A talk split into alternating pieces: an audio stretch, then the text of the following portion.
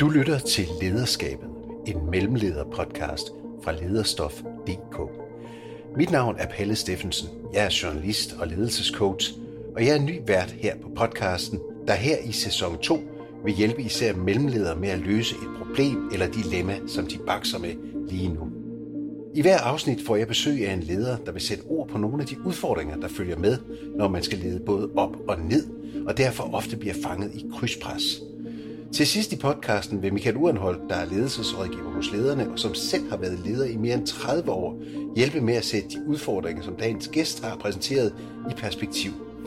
Michael Urenhold vil også give hver enkelt gæst nogle helt konkrete råd og anvisninger, der forhåbentlig kan være med til at gøre den pågældende mellemleders arbejdsliv lidt nemmere. Håbet er, at vi kan give jer alle, der lytter med, både inspiration og motivation til at blive endnu bedre mellemledere eller ledere i det hele taget, og også nogle meget konkrete bud på, hvordan I overlever et arbejdsliv, hvor krydspres ofte er et grundvilkår. I dag har vi besøg af Isabella Hinkær, der er chefredaktør på kvindemediet Femina. Hun fortæller om, hvordan man passer på sine medarbejdere, og ikke mindst sig selv, når man pludselig får voldsomme trusler fra læsere og brugere. Isabella Hinkær, chefredaktør på øh, kvindemediet Femina. Hvad er den største udfordring, du slås med lige nu? Og jeg synes i hvert fald, en af de udfordringer, som vi har brugt noget tid på øh, at tale om, alle sammen, det kan være det her med, at øh, fordi vi har foretaget en ret øh, radikal ændring af vores brand, øh, og vores medie til, at vi dækker nogle af tidens øh, store ligestillingsdebatter. Mm. Og når man gør det, og, og også hvis man bare i det hele taget øh, er en, der blander sig i den offentlige debat omkring de her emner, øh, så kan der godt komme øh, et ret stort modtryk, eller det gør der, øh, hvis, man, øh, hvis man gør det. Og det betyder, at øh, både jeg, men, men også nogle af mine medarbejdere øh, har oplevet at få nogle sådan ubehagelige henvendelser, har oplevet noget, der sådan, øh, ja, er, er, sådan, er lidt chikane-agtigt. Øh, Decideret chikane?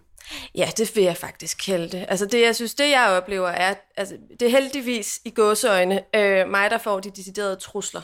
Øh, det har jeg ikke oplevet, at nogle af mine medarbejdere har fået endnu. Men chikane kan vi godt kalde det. Det er jo voldsomme ting. Hvis vi så lige et kort øjeblik fokuserer på det positive ved at være i den position, du er. Du har selvfølgelig en ledelse over dig. Du har nogle medarbejdere, som du i det her tilfælde skal passe på. Hvad er så det interessante ved jobbet?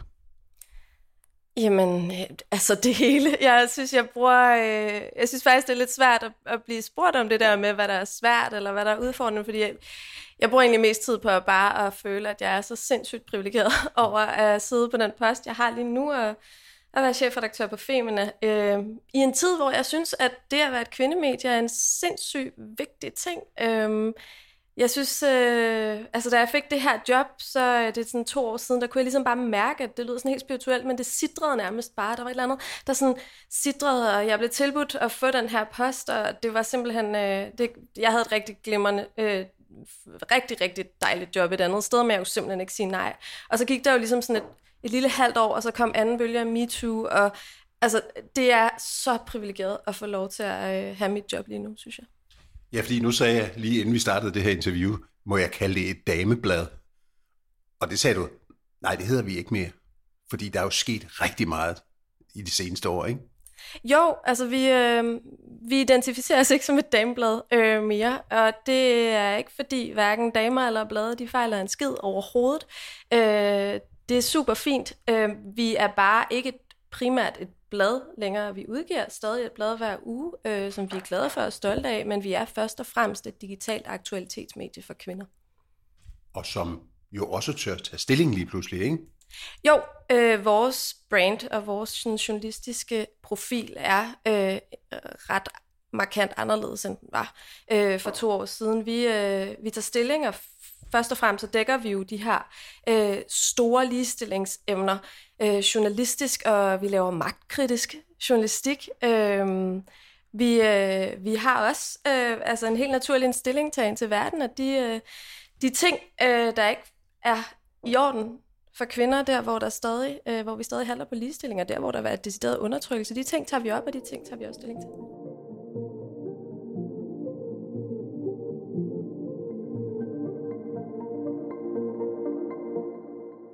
Nu sagde du før, at I er begyndt at blive magtkritiske, I er begyndt at tage stilling. Og som du også sagde allerførst i den her podcast, det var, det koster os, for medarbejderne har fået trusler, du har fået trusler, I er blevet chikaneret. Kan du fortælle lidt mere om, hvordan det er foregået? Ja, altså, de deciderede trusler øh, er det mig, der har fået. Øh, og det er faktisk, øh, altså det, det lyder jo underligt, men det er jeg rigtig glad for. Jeg er rigtig glad for, at der ikke er nogen af mine medarbejdere, der har fået øh, trusler, fordi så, altså, jeg, jeg, jeg, jeg skal være ærlig at sige, at efter den chikane, der har været, var jeg, var jeg bange for, efter de henvendelser, jeg har fået, har jeg været bange for, hvis nu nogle af mine medarbejdere, nogle af dem er ret unge, øh, skulle få nogle deciderede trusler, hvad så? Fordi det synes jeg ville være en... Øh, en, en sådan ret voldsom eskalering øh, af det her. Så det har jeg tænkt en del over, men indtil videre er det, er, er, er det mig, der har fået dem.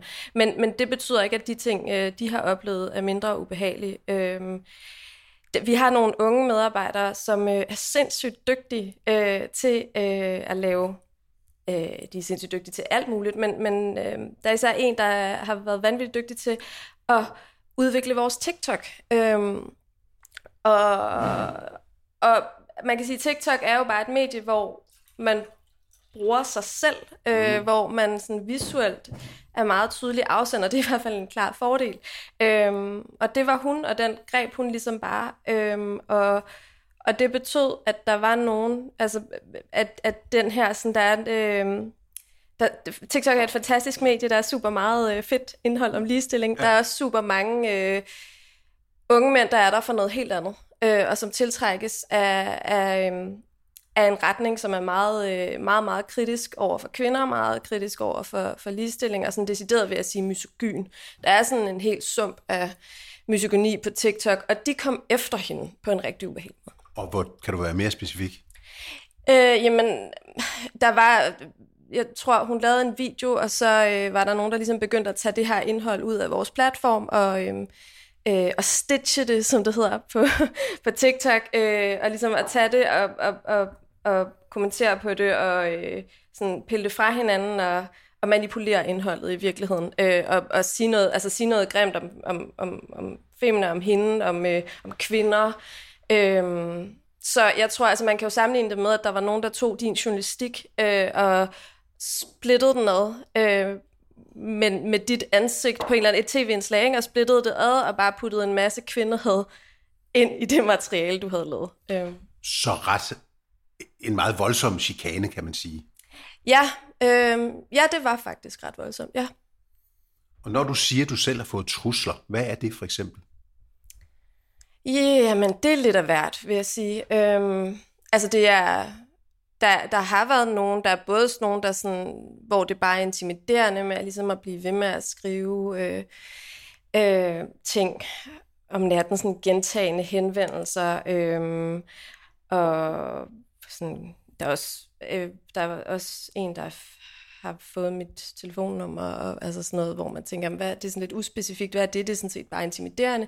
Men jeg har også fået noget, der sådan er meget tydeligt, øh, noget, der skal politianmeldes. Altså øh, ting, der handler om, at, øh, at, at de synes, at jeg ikke skal være her. Øh, ja. Og hvordan er det? Øh, jamen, det synes jeg er hårdt. Mm. Øh, og det synes jeg, jeg synes, det er ret vildt. Jeg havde ikke sådan...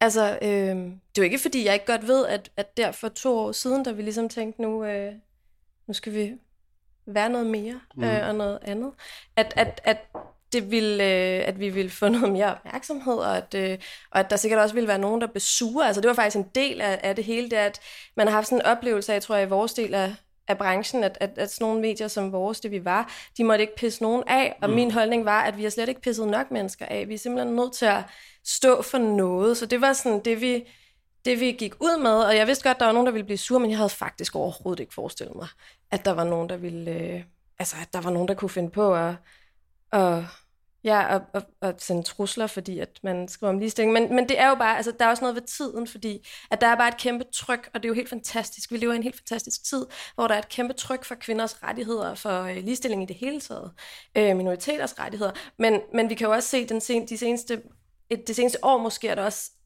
det har også genereret et voldsomt modtryk. Mm. Øh, så det er jo sindssygt blevet sindssygt polariseret.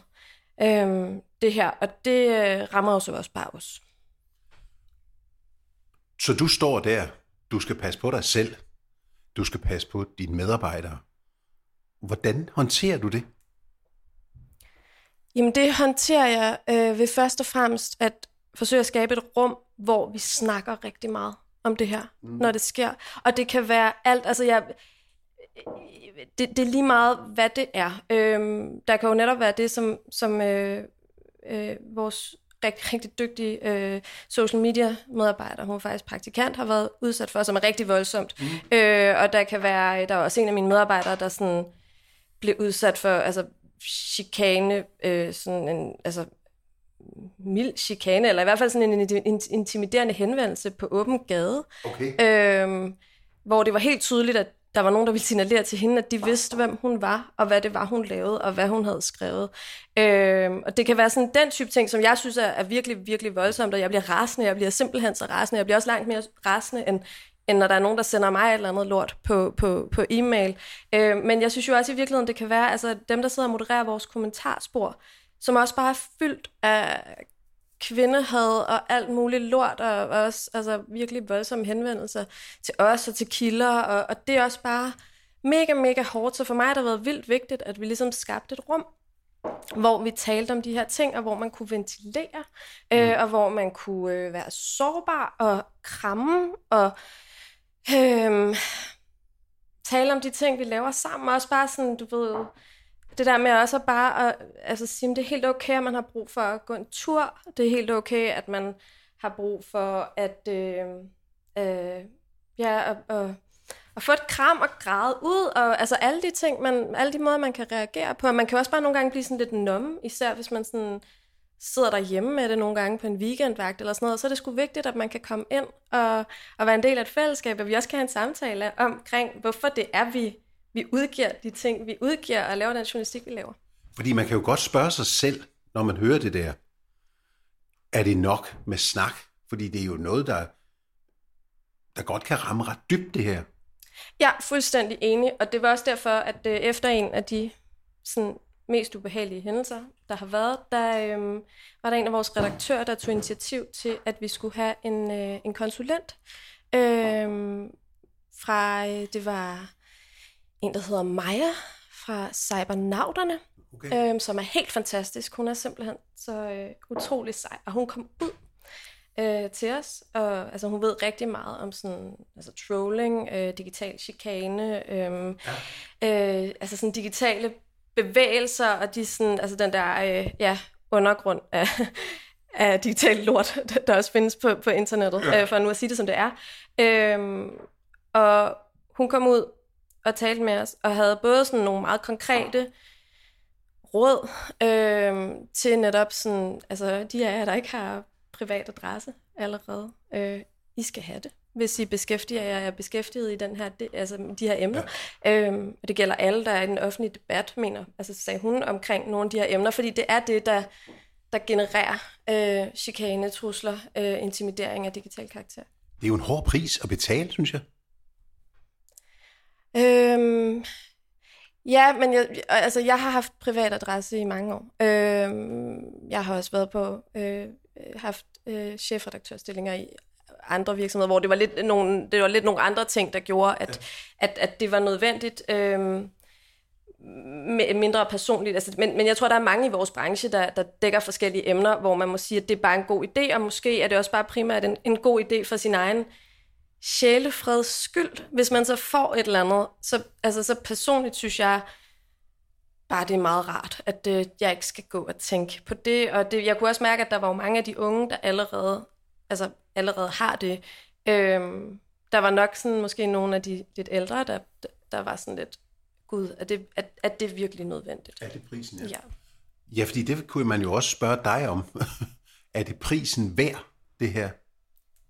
Ja, Ja, ja, det synes jeg helt klart, det er, fordi jeg synes jo, at det er, vi er jo nødt til at holde fast i, at det er fuldstændig vanvittigt, at der findes nogen derude, der synes, at øh, det, at man øh, beskæftiger sig med kvinders rettigheder, øh, beskæftiger sig med at, øh, at fremme ligestilling, eller med emner, der handler om ligestilling, øh, at det skulle være forfærdeligt, eller på nogen måde noget, man skal bekæmpe, det er jo helt vildt. Det er jo helt vanvittigt. Og det, at der stadig er nogen, der tænker sådan, det er jo netop derfor, vi er her. Det er jo derfor, vi gør det.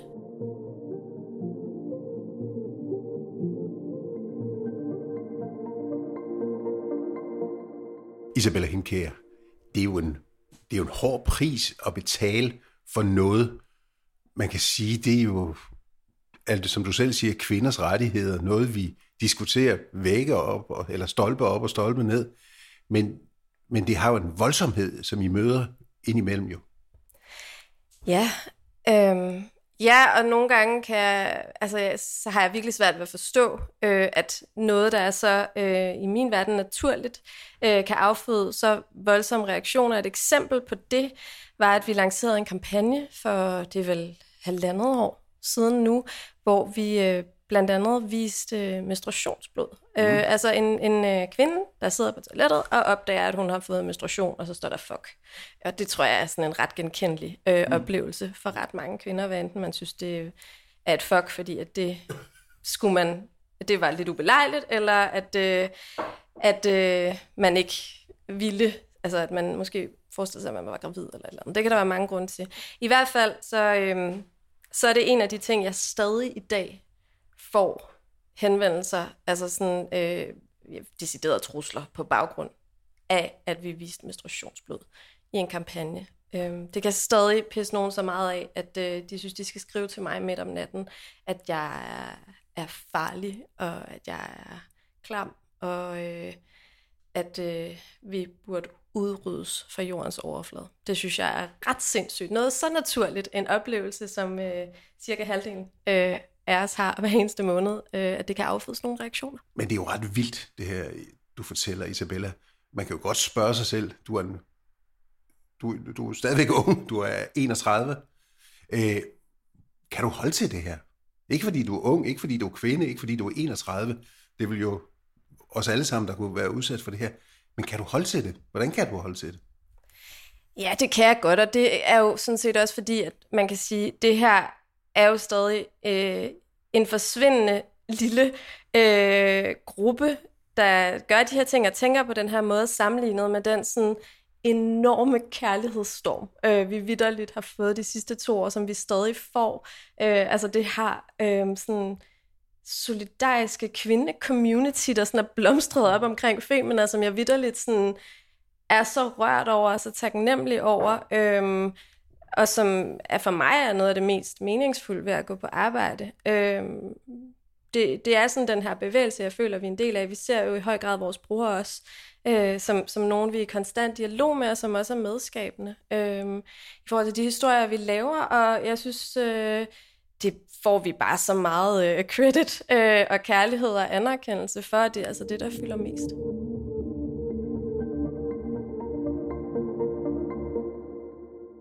Michael Urenholdt, nu hører vi Isabella Hinkær her fortælle om det, hun står midt i.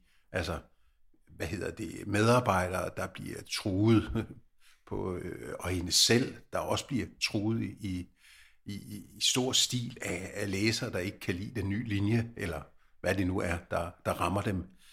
Hvad tænker du, når du hører det her? Øhm, det, det, det, det er et hårdt slag, for hun er jo ung, hun er chef, hun er udsat på det her, det er hendes medarbejdere også. Øh, hun skal være meget opmærksom på at, at understøtte et miljø der, hvor hun er, i at de får opbygget et eller andet tryghed, indbyrdes tryghed øh, over for hinanden. Øh, høj grad af tillid til hinanden, så de kan vende deres udfordringer med hinanden. Ja, fordi hun, det hun fortæller os, det er, at hun jo har sat konsulenter ind, og hun har orienteret sin øverste ledelse, så alle er jo ops på det. Der er et maskineri, der kører men hvad gør man i det daglige, når man skal sådan ligesom, hvad skal man sige, skabe tryghed hos øh, både medarbejdere og dybest set jo også hos sig selv? Mm. Jamen, ja, men, og det, nu siger du ordet tryghed. Der er jo sådan et begreb, der hedder psykologisk tryghed, og hvad er det egentlig? Jamen, det kræver, at, at du som medarbejder bliver inkluderet, du bliver hørt, du bliver mødt, øh, at du øh, kan udvise sårbarhed, øh, at du egentlig kan være det menneske, du er, også på dit arbejdsplads. Og øh, for mig at se, så, så det hun skal satse på, det er at få opbygget så nære bånd, og nu taler vi ikke om at være, være privat, men altså både personligt kan man være, man kan også være professionel i forhold til sine medarbejdere. og sikre, at der er en, en, et godt fundament for, der høj grad af tillid, så de her medarbejdere, når der er nogle ting, de kan komme til hende. Det er jo tit, vi kender den her hymne med, der er en leder, siger, jeg har spurgt, om der er noget galt derude, og de siger alle sammen, alt er ok. Og i virkeligheden, så render halvdelen rundt og synes, at tingene er ikke ok, men de tør ikke at sige det til deres leder, eller har ikke, øh, føler ikke, at det er det rigtige at gøre. Nej, fordi jeg tænker nemlig det der med, når man spørger folk, er du ok, og er det okay, hvor meget man så holder tilbage, fordi man jo et eller andet sted gerne vil være stærk. Ja, og det ligger lidt i spørgsmålet, er du ok? Altså, det, hvem siger, at lederen altid er parat til at få at vide, nej, det er jeg ikke. Så når man spørger på den måde, så er det helhjertet et spørgsmål, er du ok? Så en gang med, man er nødt til at stille sine medarbejdere. Jeg gjorde det selv lige her øh, den anden dag, øh, spurgte faktisk min gruppe, fordi vi, vi er travlt lige for tiden, og det, vi skal passe lidt på hinanden, at vi ikke får for meget om ørerne. Og så sagde jeg til dem, hvad, hvad gør vi for at passe på hinanden her den næste stykke tid? For jeg kan jo ikke være over alle sammen altid. Det er ikke min opgave. De er voksne mennesker. Øh, så spurgte jeg dem, hvad gør vi for at passe på hinanden? Og så kigger vi lige på vores spilleregler igen, og hvordan kommunikerer vi til hinanden? Hvordan fortæller vi os til, til hinanden, hvis der er, der er noget omkring ørerne, der ikke er rart? Og det kan hun jo også gøre her. Hun skal også huske, at også medarbejderne har også kollegaer, de kan gå til. Det er jo ikke altid det trygt at gå til lederen. Så en gang imellem har mere behov for at gå til en kollega. Det skal altså også være okay. Og hvad stiller hun op med sig selv? Fordi hun skal jo være stærk, samtidig med, som hun fortæller, at der også er et stort pres på hende. Jamen, det er fint, det der med at være stærk som leder, og det, det er jo det, vi hylder. De fleste gerne vil have en stærk leder, karismatisk leder, der går forrest og kan det hele. Men som leder er der altså også et træk, der, hedder, at der handler om at være sårbar. Du skal også turde vise, at du er sårbar, og, og kan vise, at der er noget, du er nervøs for, noget, du er bange for. Du, du vil få en anden forståelse blandt dine medarbejdere, og de vil også se dig mere i øjenhøjde, fordi de måske selv er sårbare, eller de måske selv er bange i situationen. Men hvor meget sårbarhed skal man flashe som chef? Det er jo klart, at hun skal ikke ligge sig ned på gulvet og, og græde over det her øh, på den måde, men hun kan jo godt fortælle dem, at hun også er utryg ved det her, og hun ikke har prøvet det her før. Altså det er jo også at udvise sårbarhed og være ærlig omkring det og sige, sorry folks, jeg gør, hvad jeg kan. Jeg har ikke prøvet det før, men jeg skal nok løse situationen så godt jeg kan, sammen med jer og sammen med andre.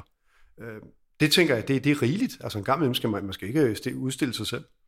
Men hun fremstår jo utrolig stærk, og hun fremstår meget reflekteret over det her. Hvad kan hun lægge på, som du ser, hvis vi skulle øh, runde af her? Jeg, jeg tror ikke, hun kan lægge forfærdeligt meget på, andet end det her med at huske også, at, at den der stærke leder øh, er super fin, men hun ved ikke, hvornår hun selv bliver ramt, hvor det går over grænserne for, hvad hun har det godt med. Og den dag, der dur det jo ikke, at hun lige pludselig brager ned med fladet. Så det, så det er lidt bedre måske også at vise, at øh, der er ting, jeg ikke kan, og der er ting, jeg måske også har svært ved at håndtere, sådan så de, de godt ved, det er sgu et menneske, vi har som chef.